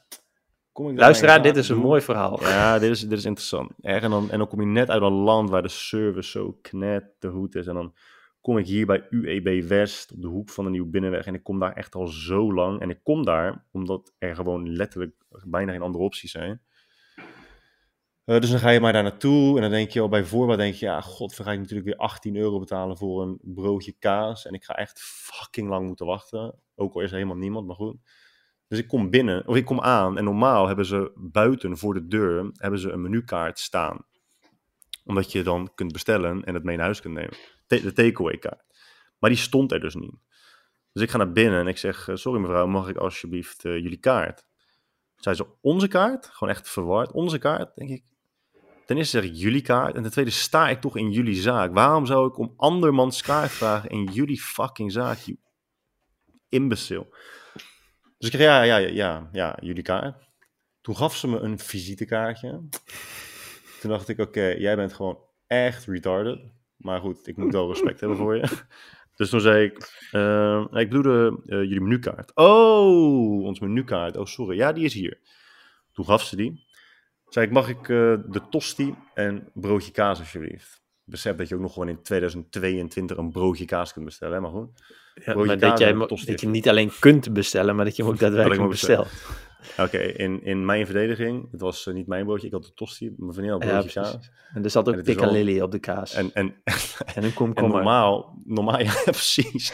Ja, dus nu maak je daar een grap over, maar dat, dat is dus wel onderdeel van, van, van, de, van, de, van de droevigheid. Dat normaal kleden ze het broodje nog soort van aan met natuurlijk een beetje pikante rucola. Of een komkommertje.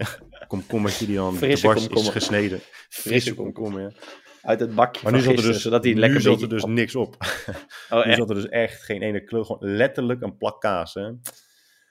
Ik bestel dus die twee dingen. Toen zei ze, oh, ik moet even vragen of dat eh, geschikt is voor takeaway, want we geven niet alles mee naar huis. Toen dacht ik, bitch, als een broodje kaas en een tosti niet geschikt is voor takeaway, wat dan wel? Wat is dan wel geschikt?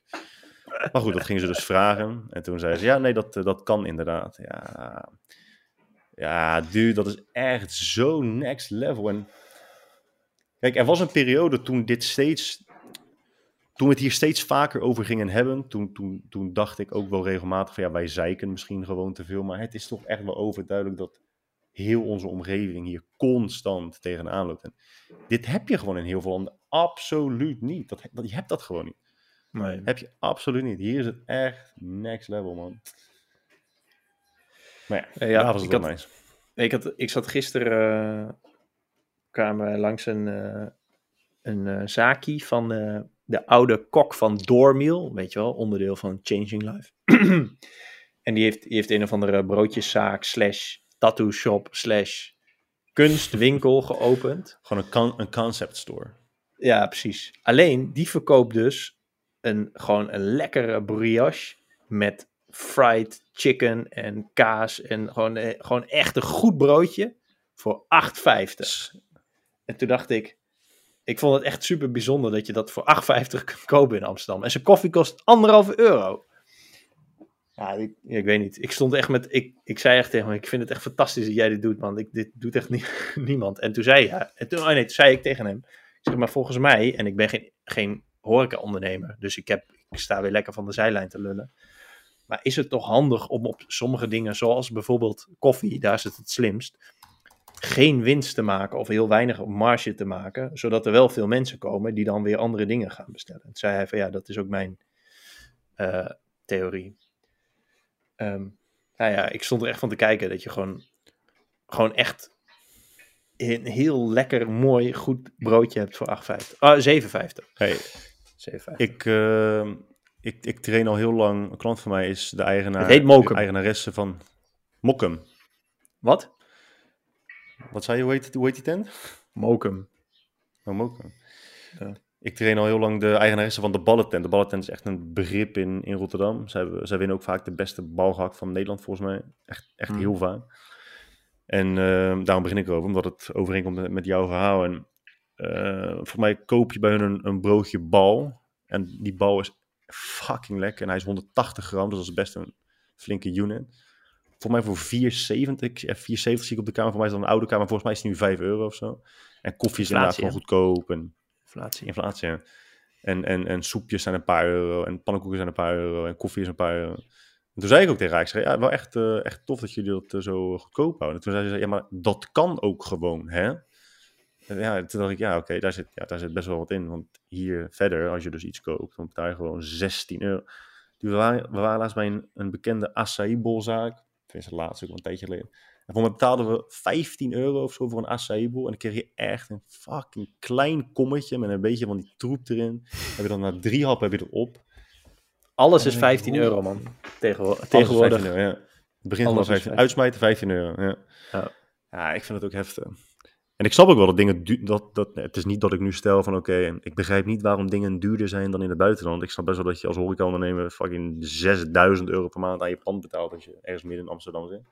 En dat je dan echt wel veel geld moet vragen. Omdat. Nee, ik, ik snap dat ook. Totdat die gozer voor 7,50 euro fucking lekker broodje had. Toen dacht ik, wat gewoon, ja, wat gewoon een een lunch, ja, gewoon een goed broodje was. Waar je normaal dus 14 euro bij de zaak verderop eh, krijgt. En dat iemand hem gewoon in je gezicht tieft. Omdat gewoon, dat is hoe, hoe eh, bediening hier werkt. Soms voel je je gewoon Toen- schuldig in toen dacht ik- bestelt.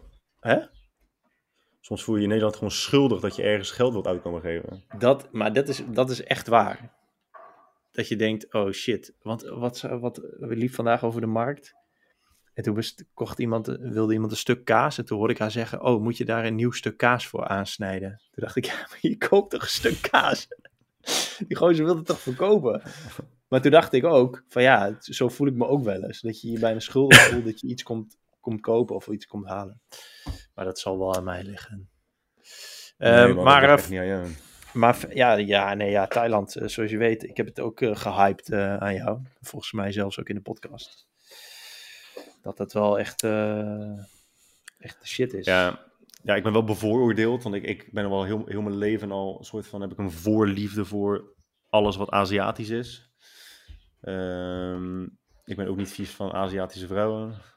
Nou, dat ik eh, eindelijk een Chinese bemachtigd. Maar ehm,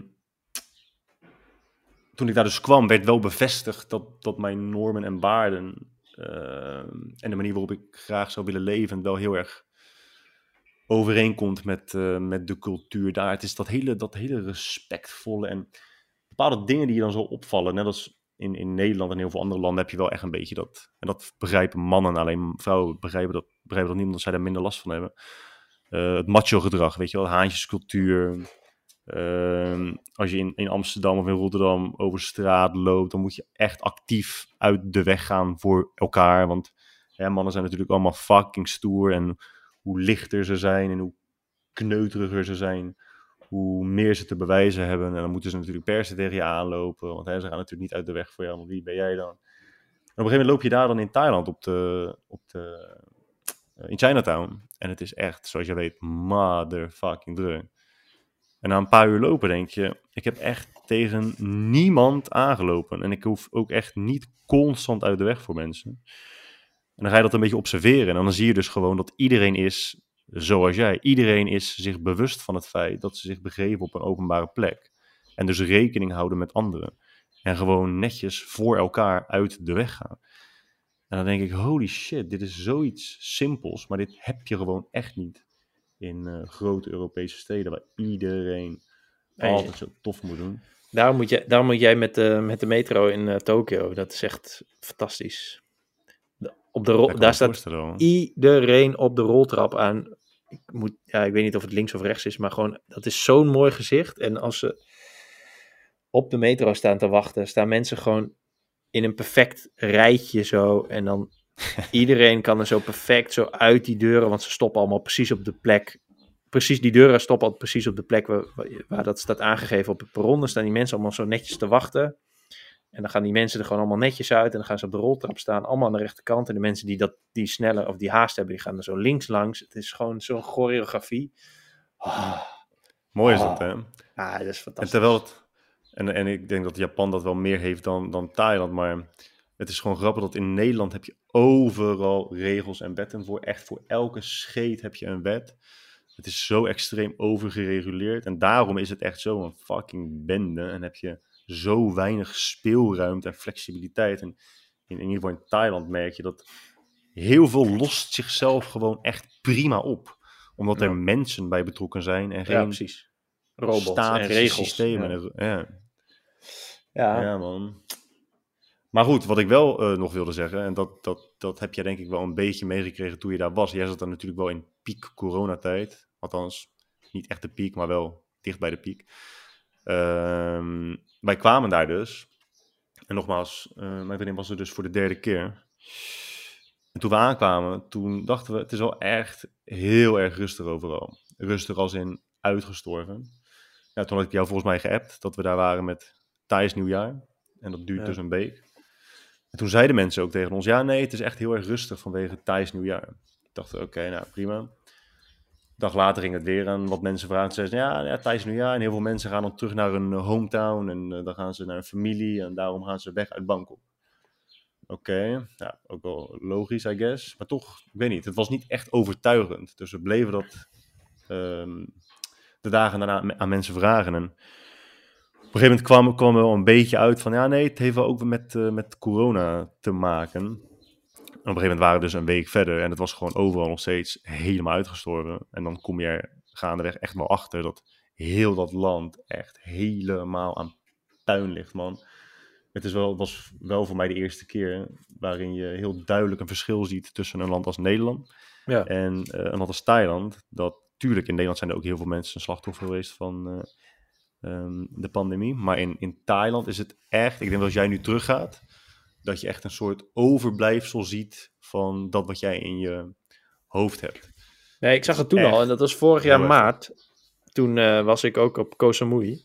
En eh, ja, dat is gewoon echt fucking veel dingen gesloten en eh, dicht Ja, verlaten. Ja, Bangkok, eh, Bangkok ook Ja. gewoon heel failliet. En ehm, ja, het is wel echt heel, heel erg hoor, heel zonde. Maar het is er nog steeds niet druk, hè? Terwijl Nee, het het is wel echt gewoon- heel rustig. Terwijl het wel, ja, het is echt het. In Zuidoost-Azië was het echt het eerste land wat een beetje toeristisch werd en ook is gebleven. Ja, nu, ik weet niet waarom mensen. Ik heb wel het idee dat het een beetje aantrekt. Maar ik denk dat mensen gewoon lekker in Europa willen blijven. Nee, ik las wel dat, dat Thailand sowieso al voor corona echt ernstige economische problemen eh, had. En dat dat nu dus gewoon verergerd is. En daar heb je natuurlijk zo verschrikkelijk voor mensen die echt 100% afhankelijk zijn van toerisme. En Ja. al die markten en al die, al die kleine winkeltjes zijn gewoon echt allemaal die night market. pleiten. Die was dus eh, helemaal dicht, hè? Die, ik, die wilde ik jou nog tippen, of had ik je getipt, of hadden we het nog over? Was zo'n night market. Maar die is dus eh, ja, echt een, ik denk eh, een voetbalveld groot aan, mark, of aan eh, kraampjes. die er gewoon niet meer is. Ja, dat is wel kut, man. Ja, ja dat, dat, dat hadden wij ook. En dat is wel, dat is wel heel, heel treurig om te zien, man. Maar ja, Dus sowieso mensen voor mij moeten... Wel echt, eh, volgend jaar ga ik, eh, wil ik wel echt langer gaan. Ik ook. geven. Mensen moeten, mensen moeten dus naar Thailand gaan. Thuis blijven is duurder kopen, Ja. kost ook 15 euro. Je kunt dus een keer niet duur. lunchen en dan gewoon thuis water met, ja, wat, met mayonaise eten en komkommer.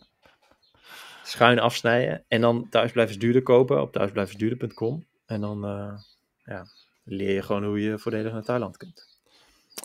En wat ik dan ook weer zo fucked up vind. En dat, oh, dat wil ik wel nog even zeggen. Dat, dat, dat mensen zo rekening met elkaar houden. Voor mij hebben we het daar toen ook over gehad. eh, toen het over Zuid-Afrika ging. En de mensen in het verkeer in Zuid-Afrika. Hoe fucking attent en goed mensen daar rijden. Dude, is echt zo nice.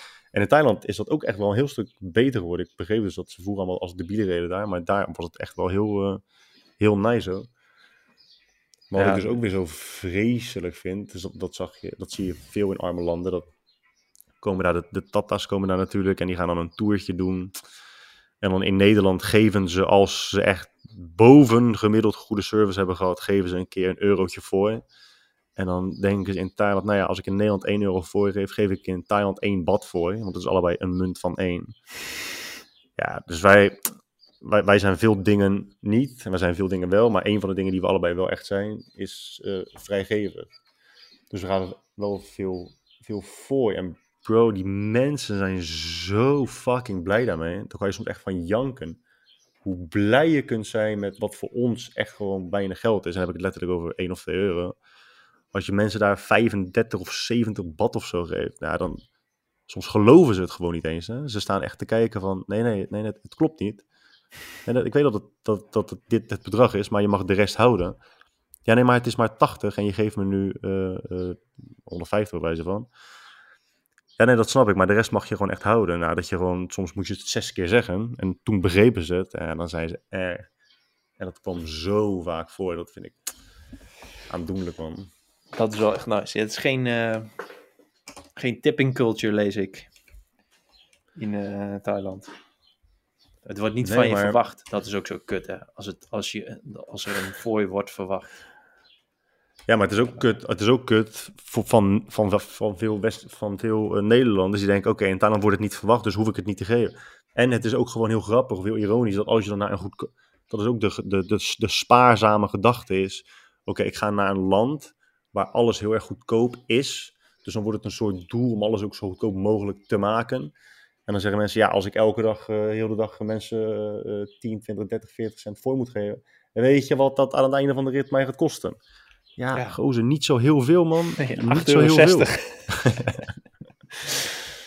En dat, dat is zo lekker daar. En, ook, en dat vond ik ook in, in Zuid-Afrika. Dat omdat alles zo goedkoop is, hou je zoveel over. En dan kun je zoveel mensen blij maken. Dat is echt nice. Ja. Echt heel nice. Dus dan. Ja, nou ja, mooie, mooie, mooie, mooie reis. Je houdt Ja, wel veel van reizen, hè? Je houdt van reizen, lekker eten. Ik ga van reizen, lekker eten, gezellige dingen doen. en eh, met vrienden eh, proberen af te spreken via de app en dat uiteindelijk nooit doen.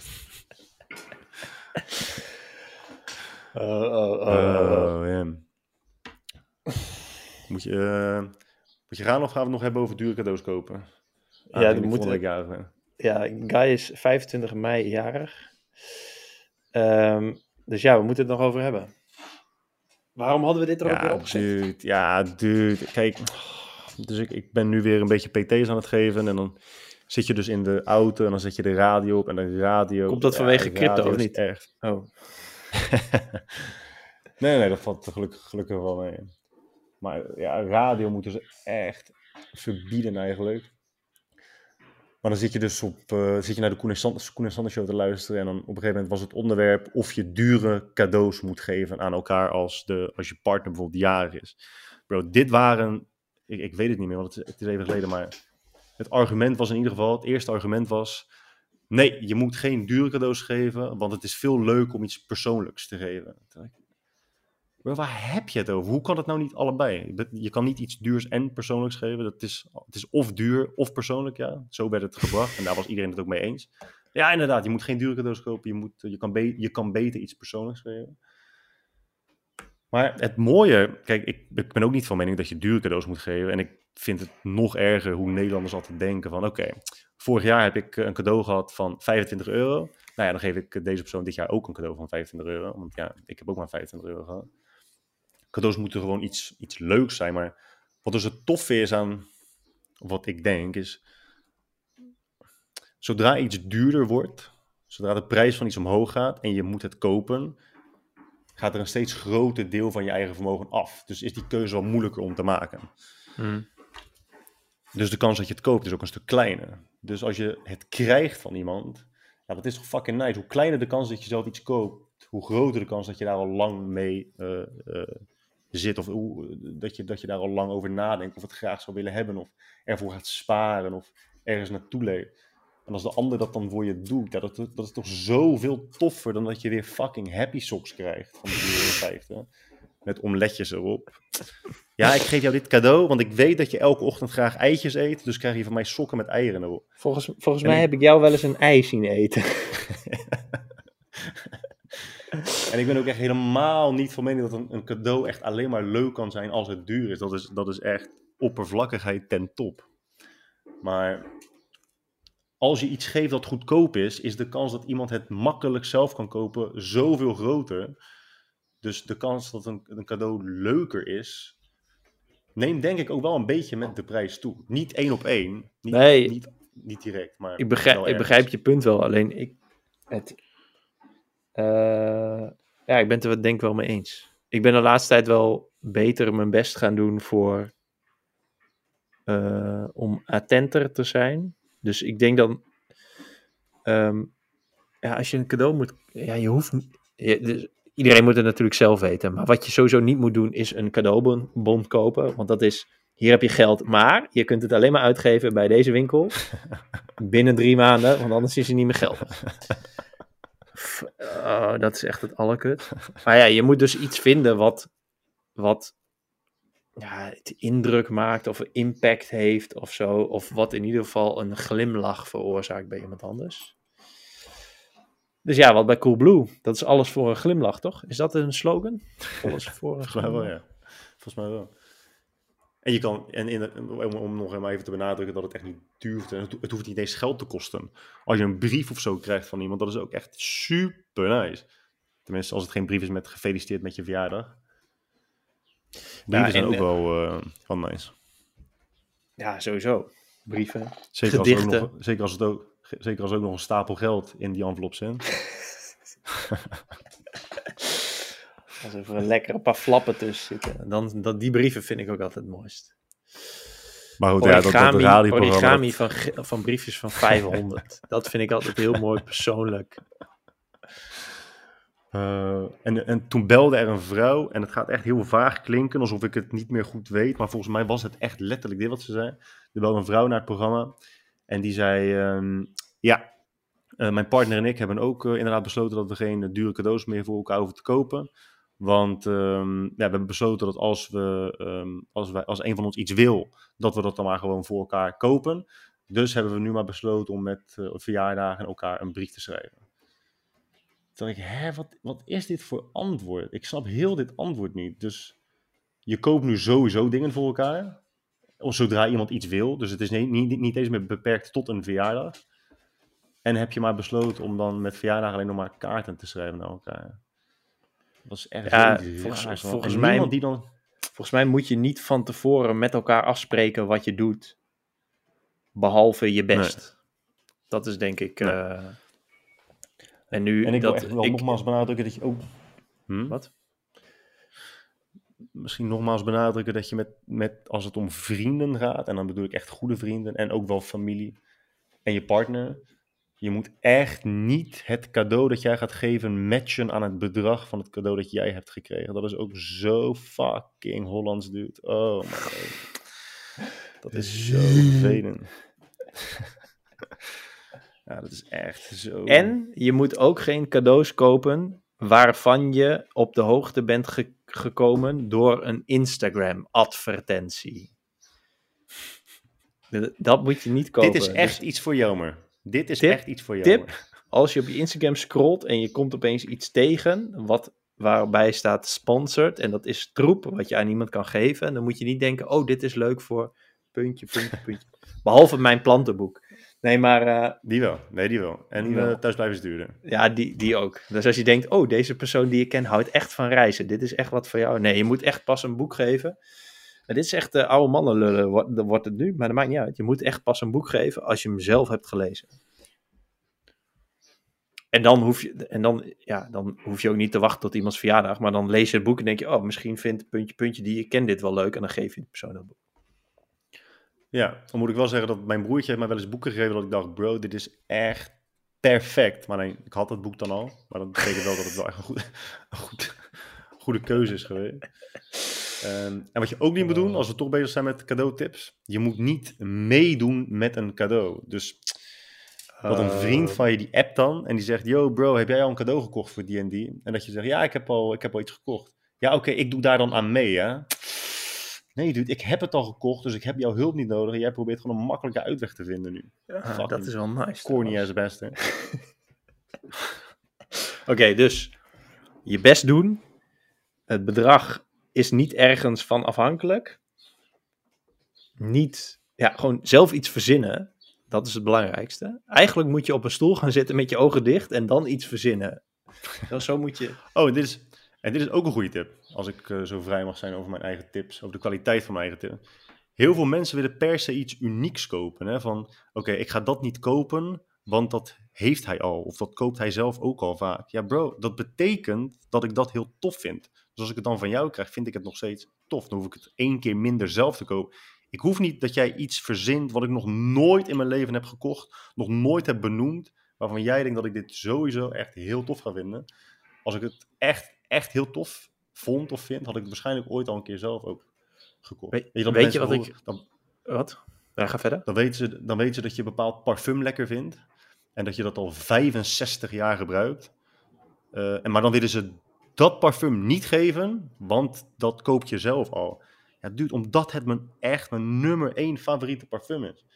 En dan kom je aanzetten met iets wat je zelf hebt bedacht. Kan wel lekker zijn, maar het is niet erg om iets te kopen voor een ander wat die persoon zelf ook al vaak doet. Hey, maar ehm, weet je wat ik ook altijd lastig vind? Als je iets koopt voor iemand, wat ze dan in hun huis moeten gaan zetten of tentoonstellen of zo. Bijvoorbeeld Ja, een schilderij of een beeldje of een kandelaar of weet ik veel wat voor troep. Dat is best, ja, nee, ja, je kunt het wel kopen en het kan ook best wel een leuk cadeau zijn. Maar ik vind dat de ontvanger wel altijd mag zeggen van, ja, ik zet het op marktplaats of ik flikker het weg. Ja, dat is, dat is wel. Ja, dat is wel. Ja, zodra jij de eigenaar wordt, mag je ermee doen wat je wil. Het is wel echt grappig als je een cadeau gewoon direct doorverkoopt. Maar ik vind dat ook wel lastig hoor. En ik vind het ook lastig om te ontvangen. Dat je denkt, ja, oké, dus nu elke keer als deze persoon op visite komt, moet ik het ergens in mijn huis zetten. Terwijl ik het echt tering lelijk vind. Ja, ik heb, wij hebben bijvoorbeeld voor die baby hebben wij eh, twee dingen gekregen om aan de muur te hangen. Eén poster en één schilderij. Ja, Crowned Lama. nee. nee. Ehm, die ik trouwens wel heb gekregen, maar niet voor de baby. Maar ja, dat, die zijn allebei vet lelijk. Maar ehm, ja, ik hoef, dat hoef ik dus niet aan de muur. Maar dat is best wel kut, want dan heb je dat cadeau gekregen. Maar je weet dat, je, je weet dat als, als die persoon nu luistert naar deze podcast, weten ze gewoon dat ze jou een lelijk schilderij hebben gegeven, toch? Ja, die ene, eh, dat, dat schilderij, die weet die. Nou, die, die, ge- degene die die poster heeft gegeven, weet dat ik het echt een stom cadeau vind. Dat was namelijk de sterrenhemel boven, boven Amsterdam. God. Toen, Oh, dat is eh, van Instagram, hè? toen die baby werd geboren. Ehm, Ja, ja, ja. dat is echt een van de meest zielige cadeaus. Vind ik. Heb je dat Ja, echt letterlijk zo gewoon- gezegd? Nee, nee, ik heb gewoon gezegd dat ik het stom vond. Ja, dit is toch saai? Dit is toch niks? Dat be- ja, het betekent toch ook niks? Dan heb je toch... Ja, ik vind het echt... Mooi. ja. Ehm, en dat andere is een schilderij met haar naam erop. Ja, dat is ook niet mooi. Maar eh, vind jij niet dat ook? Of ben jij de enige die het lelijk vindt? Ja, Jenny vindt het niet lelijk. En dat schilderij weet ik eigenlijk niet. Maar ehm, ik denk dat we daar wel wat overheen kunnen schilderen. Zo, ik ga wel dan echt eh, voorzichtig zijn met cadeaus geven aan jou, man. Als je echt het zo erg keihard afkraakt met de grond gelijk maakt. Hoezo? Jij hebt net ook vijf regels gegeven. ik, jij bent over vijf dagen jarig. Nu zit ik te denken, oh shit, wat moet ik nou? Wat moet ik nou? Ja, ik heb al lang wat bedacht. thee, je hebt eh, thee van mij gekocht. dat, dat onder andere, maar ik heb al wat bedacht voor jou. Je hebt ook een keer een boekenpakketje gestuurd naar mij. Dat was ook echt knetter nice. Een wat? Een boekenpakketje heb je een keer gemaakt. Boekenpakketje. Dat was gewoon zo. Dat was zomaar. Dat was niet eens voor mijn verjaardag. Oh ja. Ja, precies. Ja, die thee Ja, wilde ik je ook dus- zomaar geven, maar nu komt je verjaardag langs, dus dat is wel mooi. Dus dat, dat, kan. dat is trouwens een dikke tip voor mensen. Als je denkt, oh, dit kan ik wel kopen voor die en die persoon, moet je gewoon wachten tot die persoon jarig is. Dan kun je dan geven. En dan, moet je allemaal, nice. en dan moet je allemaal mensen bellen en zeggen, joh, ik heb dit gekocht, wil je meedoen? Kost- kost je 5 euro. Of 15, 35. Ah, dat is zo mooi. Ja, ik ga Michael even bellen trouwens. Ga ik hem vragen of hij mee wil Oh. doen met een cadeau. Voor het cadeau. Ik heb thee gekocht voor Guy voor 7,50 euro. Wil je meedoen aan het cadeau? ik stuur je wel een tikkie. Ja, 4 mooi. euro, Oh, want ik heb het al uitgezocht. Ja, mooi. Volgens mij eh, zijn, we, zijn we er wel. Denk het ook. Denk het ook. Denk het ook, man. Ah, Oké, Ja, leuk, man. ja. Eh, dus eh, nou, we, we moeten een datum prikken, maar dat doen we later wel. En dan eh, daarna gaan we weer podcasten. Oh ja, mensen, met z'n vier- vieren komen we langs, hè? mensen. Ga naar mee. peenuien.nl voor je donatie. Kun je ook een vraag stellen. Zeker nu, aangezien bitcoin cadeautips 13, geven? 13 euro waard is. Oh ja, geef je cadeautips via de donatie. Of doe een donatie in Gaia is jarig over vijf dagen. 25 Nou, doe maar niet, want, dan moet ik, het weer, moet ik het weer verdelen met jou. Nee, je kunt, eh, sommige mensen hebben er toch bij gezegd, dit is alleen voor Guy. Volgens mij was het vorig jaar, toch? Ik weet niet meer wie dat was. Klopt inderdaad, ja. Maar die persoon die Ja. gedoneerd heeft, het is weer zover. Ja, Zou fucking mooi zijn, bro. Dat zou zo mooi zijn als, als ik echt verjaardagscadeautjes krijg van mensen. ja, dat zou mooi zijn. Dat zou echt mooi zijn. Nou, we zullen het wel zien. Oké.